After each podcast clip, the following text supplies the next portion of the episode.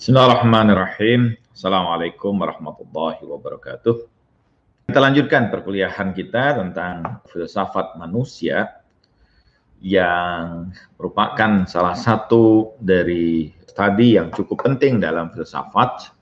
Selain tentu saja karena filsafat berbicara tentang hal-hal yang mendasar dan yang kedua merupakan makhluk yang sangat misterius, sangat fenomenal, dan sangat miracle ya. Ciptaan kreasi yang sangat menakjubkan. Kita lanjutkan pada kuliah kita. Kalau sebelumnya kita sudah berbicara tentang beberapa unsur atau beberapa elemen yang sangat mendasar pada diri manusia dalam mengembangkan proses kehidupan manusia ini. Nah, pada manusia terdapat tentu saja dorongan atau keinginan jadi setiap manusia pasti punya keinginan-keinginan. Punya harapan adalah satu bagian dari sesuatu yang diinginkan oleh manusia. Jadi karena adanya keinginan itu maka muncul harapan. Dan semua manusia pasti memiliki keinginan. Ini hal yang sangat mendasar dorongan yang ada pada diri manusia yaitu adanya dorongan atau adanya keinginan pada sesuatu. Apakah keinginan yang didasarkan pada dorongan-dorongan jasmaniah seperti hal-hal yang terkait dengan jasmani ya. Dorongan untuk memenuhi kebutuhan makanan, nutrisi, dorongan untuk memiliki tubuh yang kuat, yang sehat, dorongan untuk memiliki seluruh bagian indera yang baik, tidak kurang apa pun, eh, dorongan ingin tubuh fisiknya dalam keadaan yang terus-menerus normal, baik, kuat, sehat, dan sebagainya. Ini tentu ketika dorongan-dorongan ini muncul terkait dengan apa yang ada pada fisik manusia Ketika manusia itu lapar, tentu ada dorongan pada dirinya untuk menghilangkan rasa lapar itu dengan melakukan konsumsi makanan dan sebagainya. Atau ketika manusia itu haus misalnya, dia berusaha untuk menghilangkan dahaga atau rasa hausnya. Demikian juga ketika manusia itu mengalami rasa sakit tertentu yang tentu itu tidak membuat dirinya nyaman atau membuat dirinya menjadi tidak enak, maka ada dorongan pada diri dia untuk menghilangkan rasa sakit itu, mengembalikan tubuhnya dalam keadaan sehat tanpa ada rasa sakit yang dia derita. Nah, ini dorongan-dorongan yang tentu bersifat fisik. Juga demikian ketika pada tingkat yang lebih lagi pada bagian yang fisik ini manusia juga terdorong dirinya ini ingin uh, tampil uh, baik mempesona, memukau, pan, cantik, segar, dan sebagainya. Karena itu manusia mencoba melakukan kreasi terhadap dirinya ini dengan beragam hal yang membuat penampilannya atau tubuh fisiknya itu menarik. Ya. Apakah dengan tampil yang menampilkan dengan make up, yang luar biasa sehingga kelihatannya cantik atau seorang pemuda dengan melakukan pelatihan gimnastik misalnya sehingga tubuhnya kelihatan maco, perkasa dan sebagainya. Model rambut yang beragam ya. Bahkan juga agar menarik rambutnya mungkin diwarnai dengan warna-warna yang eh, beragam juga Demikian juga mungkin dengan perawatan kulitnya dan sebagainya. Ini tentu hal-hal yang terkait dengan fisik, tapi sudah terkait dengan hal yang non fisik. Artinya pada sesuatu yang mungkin lebih dari sekedar fisik biasa, bahwa tampil indah, tampil menarik, tampil cantik, tampil menawan, eh, tampan, perkasa, dan sebagainya. Walaupun itu terkait dengan fisik, tapi ada nilai-nilai yang sifatnya non fisik, yaitu bahwa semua orang sebenarnya terdorong ingin mewujudkan keindahan pada dirinya, mendapatkan pujian, menjadi diri yang menarik, menampilkan diri yang jadi perhatian banyak orang. Ini adalah dorongan keinginan yang ada pada diri manusia. Dorongan yang lain tentu saja yang terkait juga dengan ada kaitan antara fisik manusia adalah dorongan untuk mendapatkan kenikmatan physically ya. Hal-hal yang kemudian tentu terkait dengan hal yang lebih dalam misalnya dorongan biologis pada diri manusia untuk terpenuhi keperluan-keperluan biologisnya. Apakah itu seperti tadi makanan tapi pada tingkat yang lebih tinggi tentu seksual misalnya reproduksi itu bagian dari dorongan yang muncul karena dorongan fisik yang ada karena hormonal dan sebagainya pada diri manusia sehingga muncul beragam dorongan-dorongan yang seperti itu.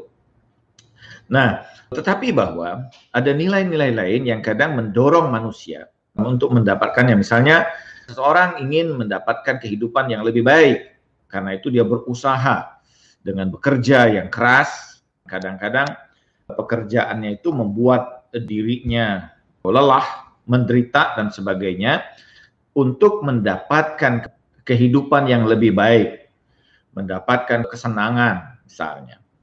Ada orang yang tahan melakukan perjalanan yang panjang atau bekerja dengan luar biasa supaya dia bisa berkumpul dengan keluarganya kembali, ada kesenangan yang terjadi pada dirinya atau dia kadang melakukan perjalanan yang jauh untuk sampai pada tempat yang menarik dan indah karena di situ kesenangan yang tentu dia akan rasakan. Jadi untuk mencapai kesenangan itu kadang manusia merelakan beragam penderitaan, kesulitan yang dirinya sehingga dia bisa merasakan kesenangan tersebut.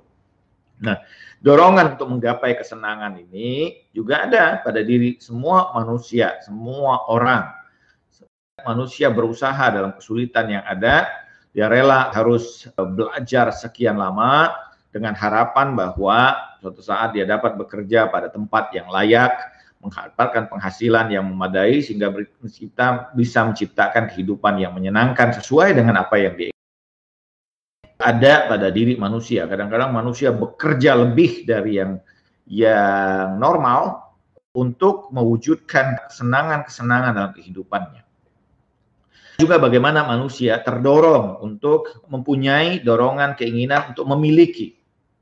Kenapa? Karena ketika seseorang itu memiliki sesuatu, maka dia merasa bahwa dirinya menjadi lebih baik, lebih luar biasa.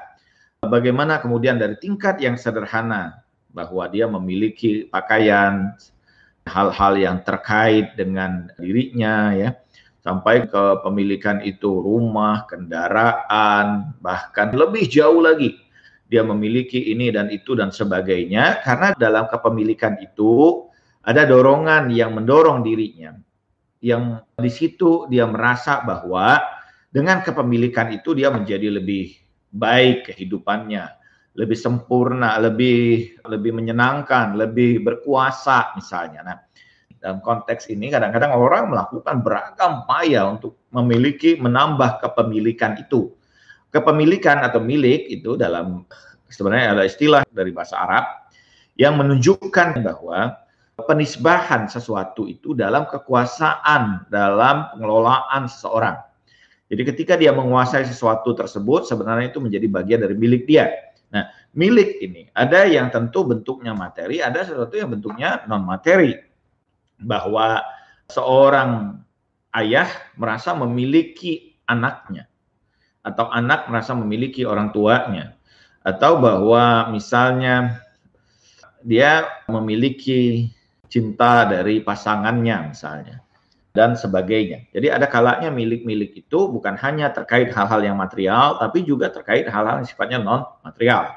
Nah, dorongan untuk memperbanyak kepemilikan ini kadang-kadang muncul pada diri manusia sebagai bagian kesadaran bahwa dia semakin menjadi lebih baik dengan banyak kepemilikan itu sehingga mendorong dia untuk terus menambah kepemilikan, menambah kepemilikan ini itu dan sebagainya dari tingkat yang sederhana sampai pada tingkat yang sangat kompleks ya.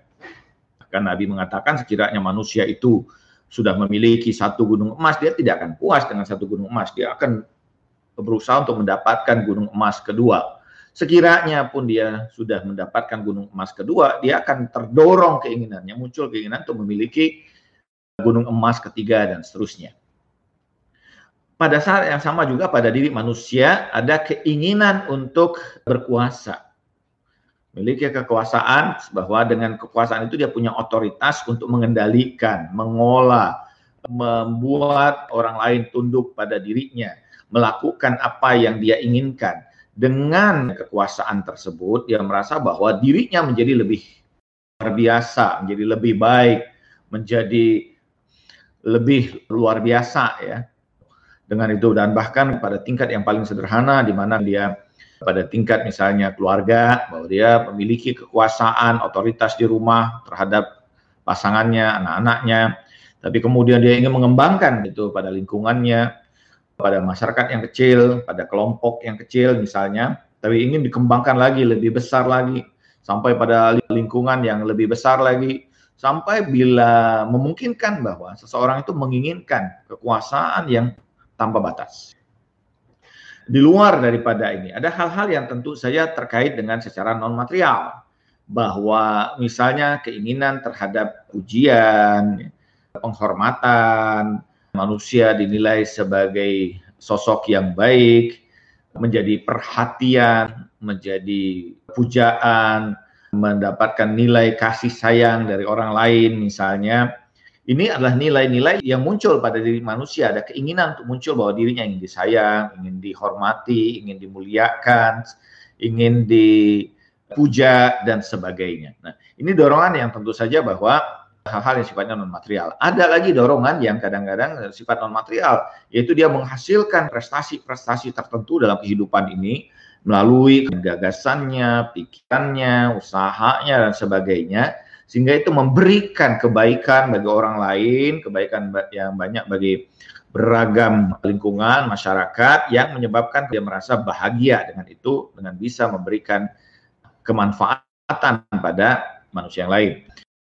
Beragam keinginan ini, beragam keinginan ini kadang diwujudkan dengan payah, dengan usaha yang luar biasa, dan tidak jarang kemudian keinginan itu manusia menempuh jalur-jalur yang kadang-kadang tidak terbaik sebelumnya atau melakukan usaha-usaha yang sama sekali tidak pernah tergambarkan bagaimana terjadi perang misalnya pertumpahan darah tindakan-tindakan kezaliman yang sangat luar biasa itu semua muncul dari dorongan keinginan manusia. Nah, apa sesungguhnya keinginan ini? Sebenarnya keinginan itu adalah sesuatu yang fitrah pada diri manusia. Semua manusia memiliki keinginan sebagai bagian dari proses kehidupannya. Dan itu sebenarnya adalah isyarat atau tanda yang menunjukkan bahwa manusia itu sebagai akibat yang paling sempurna, dia ingin sampai pada puncak kesempurnaan dirinya yang menjadi apa? mutlak ya. Jadi dorongan untuk menggapai kesempurnaan ini sebenarnya adalah sesuatu yang fitri pada diri manusia yang dari situ sebenarnya lahirlah beragam keinginan tersebut. Tujuan utama dari beragam keinginan itu tidak lain adalah kesempurnaan. Jadi pada hakikatnya manusia dalam mewujudkan beragam keinginan itu karena di dalam keinginan-keinginan itu tersimpan makna kesempurnaan. Apa itu kesempurnaan? Para filosof menyatakan bahwa kamal, misalnya para filosof muslim menyatakan bahwa yang dimaksud dengan kamal itu adalah keadaan ya yang tidak terbatas. Ketika sesuatu itu terbatas, maka dia tidak sempurna. Tapi ketika sesuatu itu menjadi tidak terbatas, lebih tidak terbatas lagi, lebih tidak terbatas lagi, maka dia menjadi lebih sempurna. Jadi kesempurnaan pada hakikatnya adalah ketidakterbatasan. Ya. Dalam beragam hal, Tuhan dalam filsafat disebut sebagai eh, wajibul wujud, wajibul wujud min jami'i jihatihi. Dia adalah zat yang wajib wujudnya, wujud niscaya, yang pada hakikatnya dirinya adalah apa? Wujud niscaya itu. Atau kita bisa mengatakan bahwa dalam keseluruhan hakikat dirinya dia tidak memiliki batasan apa pun gitu. La mahiyata laha.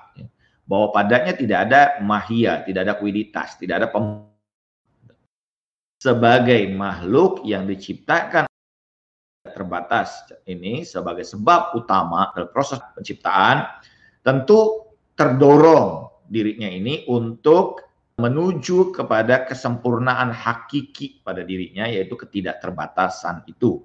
Jadi sebenarnya dorongan keinginan-keinginan itu adalah dorongan-dorongan yang mendorong manusia untuk mewujudkan kesempurnaan pada dirinya yang dengan kesempurnaan itu dia menjadi lebih dekat kepada hakikat yang maha sempurna.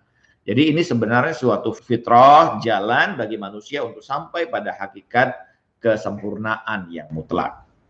Dan karena itu apa pun yang kita dapatkan dalam proses kehidupan manusia, tujuan di balik itu semua pada hakikatnya adalah upaya untuk mewujudkan kesempurnaan. Apakah orang mabuk itu ada makna kesempurnaan pada kemabukannya? Iya, kenapa? Karena di balik kemabukan itu dia ada kesenangan ada muncul kesenangan pada dirinya. Yang kesenangan itu merupakan bagian dari hakikat kesempurnaan. Permisalan seperti ini bukan berarti kemudian melegalkan kemabukan. Tetapi bahwa ini sebagai contoh bahwa di balik motif, di balik orang melakukan beragam tindakan, baik itu yang kita anggap sah dan tidak sah, di situ ada makna kesempurnaan. Nah, jika demikian, pertama bahwa misalnya seperti Ibnu Sina mengatakan bahwa kesempurnaan itu adalah ketidakterbatasan. Oke. Tetapi bahwa kebahagiaan itu tentu memiliki tingkatannya. Ada secara umum kadang dibagi menjadi dua. Bahwa ada hakikatul kamalul hakikiyun, ada kamalun i'tibariyun. Apa kamalul hakiki itu? Yaitu eh, kesempurnaan yang sifatnya hakiki, yang sifatnya mutlak apa yang disebut dengan kesempurnaan atibari, akamalul atibari yaitu kesempurnaan yang relatif. Apa perbedaannya? Pertama bahwa kesempurnaan yang mutlak itu adalah kesempurnaan yang terus ada, yang dia merupakan hakikat dirinya, yang dia tidak akan pernah terbatas padanya. Sementara kesempurnaan yang relatif itu adalah kesempurnaan yang sangat terbatas Artinya bahwa kesempurnaan ini satu dia terbatas, yang kedua dia baik terbatas oleh zaman, oleh waktu dan sebagainya, maupun juga terbatas dalam hakikat dirinya. Nah, semakin terbatas sesuatu, maka kesempurnaan yang ada padanya semakin sangat terbatas. Contoh, pada makanan seseorang mungkin akan tertarik, terdorong dirinya karena lapar dan sebagainya, menikmati makanan, dan dia mencari berusaha untuk menyenangkan dirinya dengan makanan yang nikmat padanya, tapi kenikmatan yang didapat melalui makanan itu itu hanya sangat terbatas, yaitu ketika kelaparannya hilang dan kemudian berganti dengan rasa kenyang, maka makanan jenis apa pun yang tadinya menjadi nikmat kemudian berubah menjadi sesuatu yang tidak nikmat lagi bagi dia. Gitu. Atau misalnya kesenangan-kesenangan yang lain Kesenangan seksual misalnya, ketika kesenangan itu sudah terpenuhi, maka hilanglah nilai kesenangan pada hal tersebut ya. Demikian juga beragam hal. Misalnya orang berusaha untuk memiliki sesuatu yang sifatnya material, tapi ketika sudah memiliki, maka dorongan atau rasa kesenangan ketika dia mendapatkan sesuatu yang dia harapkan selama ini tersebut itu pelan-pelan berubah menjadi hilang tidak lagi bermakna seperti sebelumnya, dia bahkan menginginkan sesuatu yang lebih dari itu lagi. Itu sesuatu yang sudah tidak lagi bagi dia memberikan kesenangan, dia harus mendapatkan sesuatu yang lebih dari hal tersebut.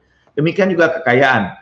Mungkin orang awal, seorang pemuda yang mungkin belum punya pekerjaan apa pun, ketika dia ingin mendekati seseorang yang dia harapkan, misalnya, dia berusaha untuk tampil dengan pakaian yang baik ya. Jadi dia berusaha bekerja untuk membeli pakaian tersebut yang dia ketika dengan pakaian itu dia merasa percaya diri di hadapan orang yang dia cintai atau orang yang hatinya tertambat kepada orang tersebut. Tetapi setelah dia menjalin kasih sayangnya, maka pakaian yang tadinya memiliki nilai itu pelan-pelan jadi kehilangan nilai. Dia ingin menampilkan sesuatu yang lain lagi dan seterusnya. Demikianlah bahwa itu menunjukkan bahwa jenis yang kedua ini adalah kenikmatan yang sifatnya relatif. Nah, kenikmatan-kenikmatan yang relatif, kesempurnaan-kesempurnaan yang relatif, pasti pertama dia bahwa dia semakin terbatas sesuatu itu pada tinggal maka semakin cepat nilai kesempurnaannya hilang. Semakin sifatnya terbatas pada material, maka semakin dia kesempurnaannya terbatas. Tapi semakin dia naik pada sesuatu yang non material, maka nilai kesempurnaan menjadi lebih luar biasa. Jadi semakin nilai-nilai pengabdian, nilai pengetahuan, nilai kesyahidan atau nilai-nilai utama lainnya itu memberikan manfaat pada kehidupan ya dan sebagainya itu nilai-nilai yang sifatnya non material. Nah, nilai-nilai yang non material tentu kesempurnaannya lebih dari sesuatu yang sifatnya material. Semakin dia non materi, maka semakin sempurna sesuatu itu, semakin hakiki dibandingkan yang sebelumnya pada tingkatan sebelumnya. Karena itu misalnya kalau dalam teori mula sadra itu ada teori tentang tashkik al-wujud yaitu bagaimana wujud ini memiliki pada tingkat kualitas wujud yang paling terbatas itu tentu wujud yang paling lemah ya, paling lemah dan kualitasnya juga sangat rendah. Tapi semakin hakikat wujud ini sampai mendekati wujud, maka dia semakin luar biasa syiddahnya. Prior.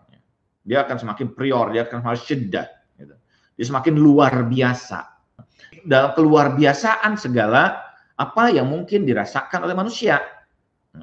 Jadi karena itu bahwa ketika manusia itu merubah keinginannya dari tingkat material pada sesuatu yang sifatnya non material, maka kesempurnaan yang ada di sana semakin luar biasa. Rasa yang didapatkan pun semakin luar biasa. Bagaimana seseorang melupakan rasa laparnya demi mendapatkan sesuatu yang lebih luar biasa secara nilai. Misalnya bahwa dia kadang dia tidak akan rasakan laparnya ketika dia bersama dengan orang yang dia kasihi, yang dia cintai. Walaupun tadinya dia terasa lapar, tapi dorongan makan itu dia sisihkan karena dia ini merasakan sesuatu yang lebih. Demikianlah bahwa segala bentuk kesempurnaan yang terkait dengan material itu tidak lagi bermakna di hadapan kesempurnaan-kesempurnaan yang sifatnya non material. Kenapa? Karena semakin dia non material, maka dia semakin sempurna, semakin mutlak, semakin luar biasa. Nah, pada hakikatnya, pada hakikatnya, kekeliruan dalam mentashkhis atau menentukan objek kesempurnaan itu menyebabkan manusia mengalami kegagalan perkembangan kesempurnaan hakikat dirinya. Ini yang menjadi hal mendasar bahwa manusia ketika uh, kekeliruan dalam tas tersebut dia hanya sampai pada tingkat pemanaan kesempurnaannya pada sesuatu yang sangat ter bersifat material, maka perkembangan kesempurnaan hakikat dirinya itu tidak lebih pada tingkat tersebut. Berbeda dengan orang-orang yang utama, orang-orang yang mulia dalam kehidupan manusia, bahwa mereka menempatkan nilai kesempurnaan itu pada hal yang sifatnya hakiki. Jika semakin dia mendekati hakikat yang hakiki tersebut, maka kesempurnaan muncul pada dirinya pun akan menjadi sesuatu yang lebih luar biasa, lebih hakiki dibandingkan kesempurnaan yang sifatnya material. Betapa banyak dalam proses kehidupan manusia manusia-manusia yang terjebak pada pemaknaan kesempurnaan pada sesuatu yang sangat relatif seperti itu, sehingga seluruh proses kehidupannya tidak berkembang dari tingkat kualitas kesadaran material saja. Sementara ada orang-orang seperti para nabi, para rasul, para orang-orang mulia yang mendapatkan nilai-nilai kesempurnaan pada hakikat yang luar biasa, hakikat yang hakiki, maka dengan itu wujud yang menjadi luar biasa.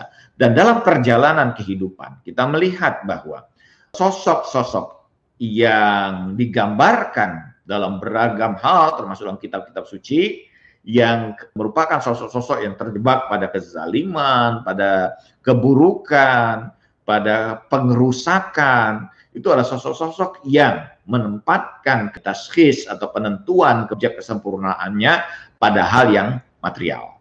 Tapi para perubah sejarah, orang-orang yang merevolusi sejarah, manusia-manusia yang menjadi sosok-sosok yang agung dalam catatan sejarah adalah sosok-sosok yang menempatkan nilai kesempurnaan bukan pada hakikat yang material atau yang sangat terbatas itu. Mereka menempatkan nilai kesempurnaan itu pada sesuatu yang sifatnya non materi, bahkan menempatkan nilai kesempurnaan pada hakikat mutlak yang maha sempurna. Dengan itu dirinya menjadi berkembang menjadi sosok-sosok yang utama, sosok-sosok luar biasa yang menjadi perubah dalam kehidupan sejarah. Nah, ini gambaran bagaimana manusia ini yang menunjukkan kepada kita bahwa seluruh keinginan yang muncul yang ada pada diri manusia pada hakikatnya adalah dorongan untuk mewujudkan kesempurnaan pada diri manusia itu. Jadi bahwa keinginan itu bukan sesuatu yang salah, keinginan itu bukan sesuatu yang buruk, itu bagian dari proses bagaimana proses penyempurnaan diri manusia. Selama bahwa taskhis atau penentuan kesempurnaan itu dalam makna yang benar. Nah, dalam konteks inilah misalnya para filosof seperti dalam Islam ya, Muslim seperti Ibnu Sina, Surawardi, Farabi, Mullah Sadra dan sebagainya menjelaskan bahwa hakikat kesempurnaan yang mutlak itu adalah realitas yang mutlak, hakikat yang hak, yang real, yang tidak lain adalah dalam gambaran para filosof disebut sebagai wajib wujud. Nah, proses manusia menyempurna ini adalah proses pendekatan dirinya untuk mencapai derajat kedekatan dengan wajib wujud ini. Karena dialah realitas realitas wujud yang hakiki, wujud yang wajib, wujud yang niscaya, wujud yang maha sempurna. Dialah sebab dari segala sebab karena dia merupakan sebab dari segala sebab, maka kesempurnaan mutlak pun ada pada dirinya. Jadi seluruh akibat akan berusaha untuk kembali kepada sebab utamanya karena di situlah hakikat dari kesempurnaan dirinya. Jadi proses perjalanan manusia menuju Tuhan itu bagian dari proses atakamul, proses penyempurnaan diri manusia. Nah, apa yang kita dapatkan dalam proses perkuliahan ini bahwa seluruh apa pun yang merupakan dorongan manusia ini baik pada tingkat yang paling rendah yang hanya terkait pada material, kemudian dorongan yang antara material dengan yang non material dengan nafs manusia sampai pada tingkat yang murni non material semua itu adalah proses yang membimbing manusia dalam proses atakamul penyempurnaan diri manusia gitu. Jadi di antara hal yang muncul yang ada pada diri manusia bahwa manusia itu berusaha untuk menggapai kesempurnaan. Walaupun kemudian problem yang terjadi adalah kekeliruan dalam tashkhis terhadap makna al-kamal, makna takamul atau makna al-kamal, yaitu penentuan makna atau hakikat atau misdak objek daripada apa, yang disebut sempurna tersebut. Nah, proses pencarian pemanaan terhadap apa yang hakikat kesempurnaan ini, inilah yang dilakukan oleh para nabi, para filosof, atau orang-orang yang luar biasa dalam sejarah untuk memperkenalkan makna hakikat dari kesempurnaan yang sesungguhnya. Insya Allah kita akan lanjutkan proses kuliah eh, kita bahwa pada intinya dalam konteks ini kita bisa berkata bahwa manusia adalah makhluk yang mengejar kesempurnaan. Terima kasih atas perhatiannya. Sallallahu alaihi wasallam. Wassalamualaikum warahmatullahi wabarakatuh.